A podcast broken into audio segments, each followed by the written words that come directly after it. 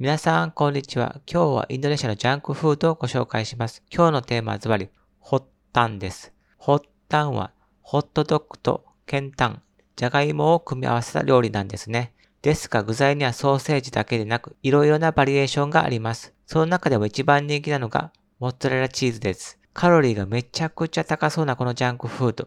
健康面のことはひとまず置いといて、興味があるので食べることにしました。美味しい。体に悪いと分かっているけど止められないジャンクフード。なんだかんだ言っても単純な私の脳みそはジャンクフードの誘惑に負けてしまうのでした。皆さんもぜひともお試しください。ご視聴ありがとうございます。それではまた明日。